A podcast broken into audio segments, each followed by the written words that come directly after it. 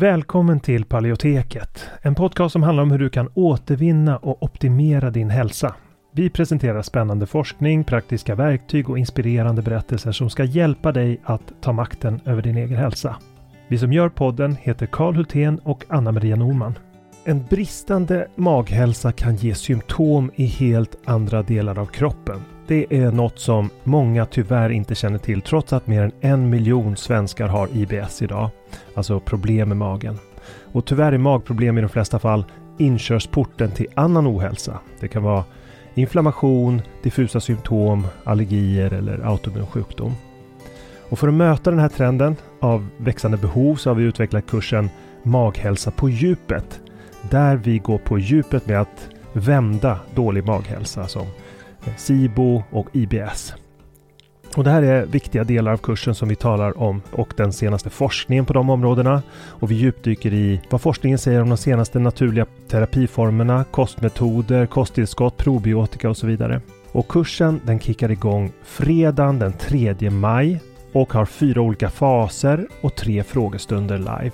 Och dessutom har vi olika resurser och guider att ladda ner från kursplattformen.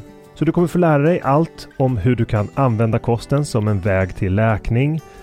När, var och hur. Hur du kan använda olika kosttillskott och probiotika. Och om du redan är medlem i Hälsodetektiverna så får du som vanligt en rabatt på allt vi gör. Så även den här kursen. Och den här kursen tror vi är en perfekt väg för dig mot en bättre maghälsa där du inte bara får lära dig ett metodiskt tillvägagångssätt för att minska dina symptom utan också förstå de underliggande orsakerna.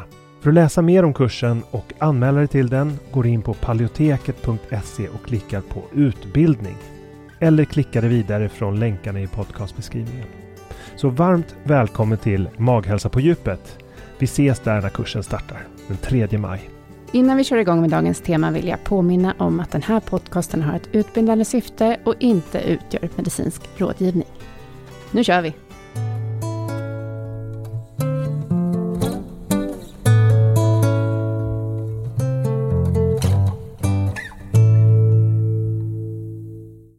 Det här avsnittet är till stor del baserat på en artikel som jag har skrivit för tidningen Hälsa och funktionsmedicin och det berör ett område som hamnat i fokus på senare tid och som är lite kontroversiellt. Nämligen karnivorkosten och dess historia. För det finns mycket som varit känt tidigare bland läkare och forskare och som idag fallit i glömska. Och därför tänkte jag berätta lite om den tidens forskning och vad som tidigare varit allmänt känt. Sveriges första kostråd kom på 1800-talet och lyfte fram kött som viktigt för att få starka och friska arbetare till industrin. Att kött var det mest hälsosamma livsmedlet det ansågs sedan länge vara en självklarhet. Redan i antikens Grekland fick de olympiska atleterna äta en köttbaserad kost för att prestera väl. Idag har den här kunskapen gått förlorad och välgjord forskning har fallit i glömska. Carl von Linné var den första vetenskapsmannen att göra observationer kring köttets hälsoeffekt. Under sin första forskningsresa i Lappland år 1732 antecknar han ett träffeligt köttätande är hos lapparna i det att ett hushåll av fyra personer äter upp väl en ren varje vecka. Lapparna, ännu i 60-årsåldern med lätthet sprungo upp på fjället till skillnad från de feta brödätarna i Skåne. Dieten förändrar oändligen mycket inbyggarna i ett rike. En norrländsk lapp lever endast av kött, fisk och fågel, blir därav liten, mager, lätt och vig. En bonde däremot i Sveriges södra provinser på Skåneslätt, som äter ärtor, mycket bovetegröt, blir stor, grått, styv, stark, sen och tung. Den tyska professorn i fysiologi Carl von Voigt utformade de kostråd som under 1800-talet blev mest tillämpade i Sverige.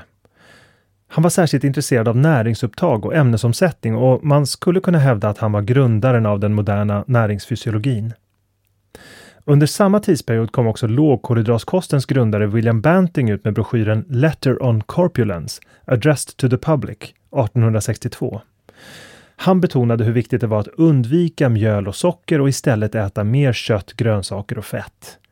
Banting var visserligen inte forskare, men han hade blivit rekommenderat kosten av sin läkare för detta var nämligen konsensus inom skolmedicinen vid den tiden. I boken The Practice of Medicine från 1869 av Thomas Hawks Tanner förklarar författaren att den samlade erfarenheten är att spannmål och socker orsakar övervikt medan kött bidrar till hälsa och muskelstyrka. Under 1800-talet fanns ännu inte någon klinisk forskning som kunde ge stöd åt den allmänna uppfattningen att kött var hälsosamt. Det skulle dröja ända in på 1900-talet innan de första studierna på ren karnivorkost genomfördes. Wilhelmur Stefansson var en kanadensisk polarforskare och etnolog av isländsk härkomst som år 1908 inledde den första av tre expeditioner under vilka han levde med inuiterna. I mer än tio år levde han med och dokumenterade deras kost, livsföring och seder.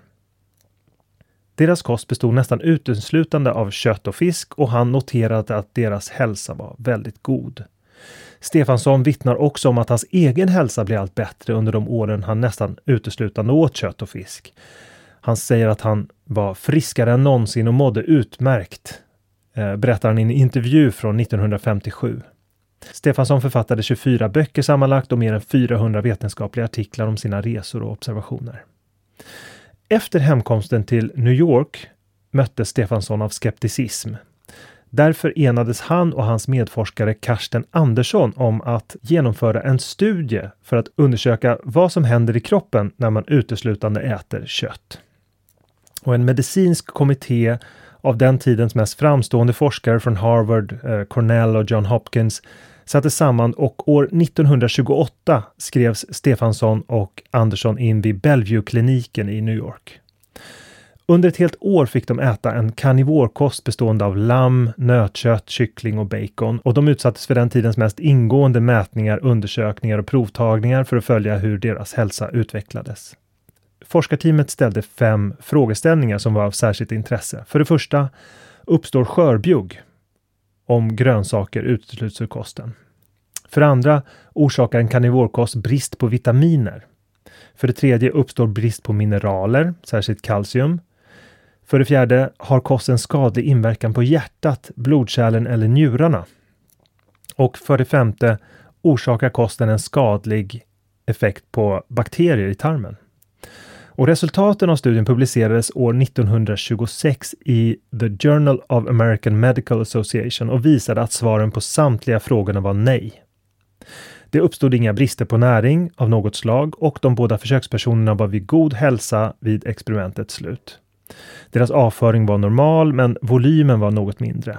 Under studietiden drabbades många av sjukhusets patienter av en allvarlig influensa, men de båda försökspersonerna tillfrisknade på bara några dagar, vilket noterades som anmärkningsvärt av forskarteamet.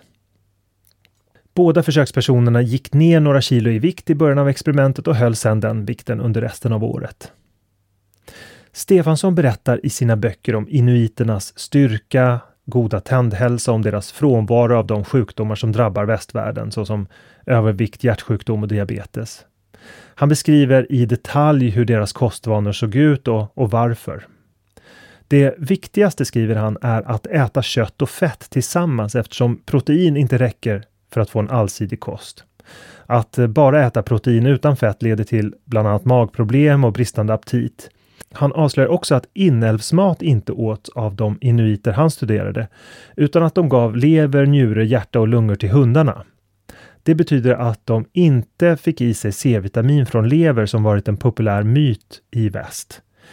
Men trots det så drabbades de intressant nog inte av skörbjugg, vilket är en allvarlig bristsjukdom som uppstår till följd av för lågt C-vitaminintag. Det är alltså möjligt att behovet av C-vitamin är knutet till hur mycket animalier man äter och att behovet av C-vitamin ökar när människor äter en mer näringsfattig kost, eller kanske en modern kost, rättare sagt. Det är mycket vi idag inte vet om hur en karnivorkost påverkar kroppen, men erfarenheten och forskningen från 1800 och 1900-talen ger oss intressanta ledtrådar till det. Allt tyder på att även våra nordiska förfäder levde som inuiterna i den bemärkelse att de värderade storvuxet villebråd högst och att de under större delen av året inte åt nämnvärt mycket vegetabilier. Animalier har varit människans huvudsakliga näringskälla under miljontals år och det är kanske inte så förvånande att just det här livsmedlet passar särskilt väl med våra genetiska anlag. Den här podden finns också att läsa i skriftlig form på paleoteket.se. Där finns också en lång rad referenser till allt det som refereras till i den här podden. Tack för den här gången. Tack så mycket för att du har lyssnat på det här avsnittet av Paleoteket. Vi hoppas att det har varit till nytta för dig. Om du vill få hjälp att uppnå dina hälsomål står vi redo att hjälpa dig. Vårt medlemskap Hälsodetektiverna är en gemenskap online där du träffar likasinnade, får hälsoinspiration hela året och kan ställa frågor direkt till oss på våra medlemsseminarier. Nu under våren startar också två onlinekurser. AIP Masterclass är kursen för dig som vill lära dig allt du behöver veta om kostupplägget AIP, autonomt protokoll, samtidigt som du blir guidad genom en stegvis process med både läkningsfas, utvärdering och återintroduktioner. Sen har vi kursen Maghälsa på djupet som riktar sig till dig med IBS och misstänkt eller konstaterad SIBO. Vi fokuserar helt på vad du kan göra med kost, livsstil och strategiskt utvalda kosttillskott.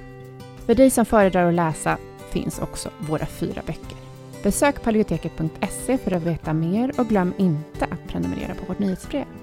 Du hittar länkar i beskrivningen till podcastavsnittet.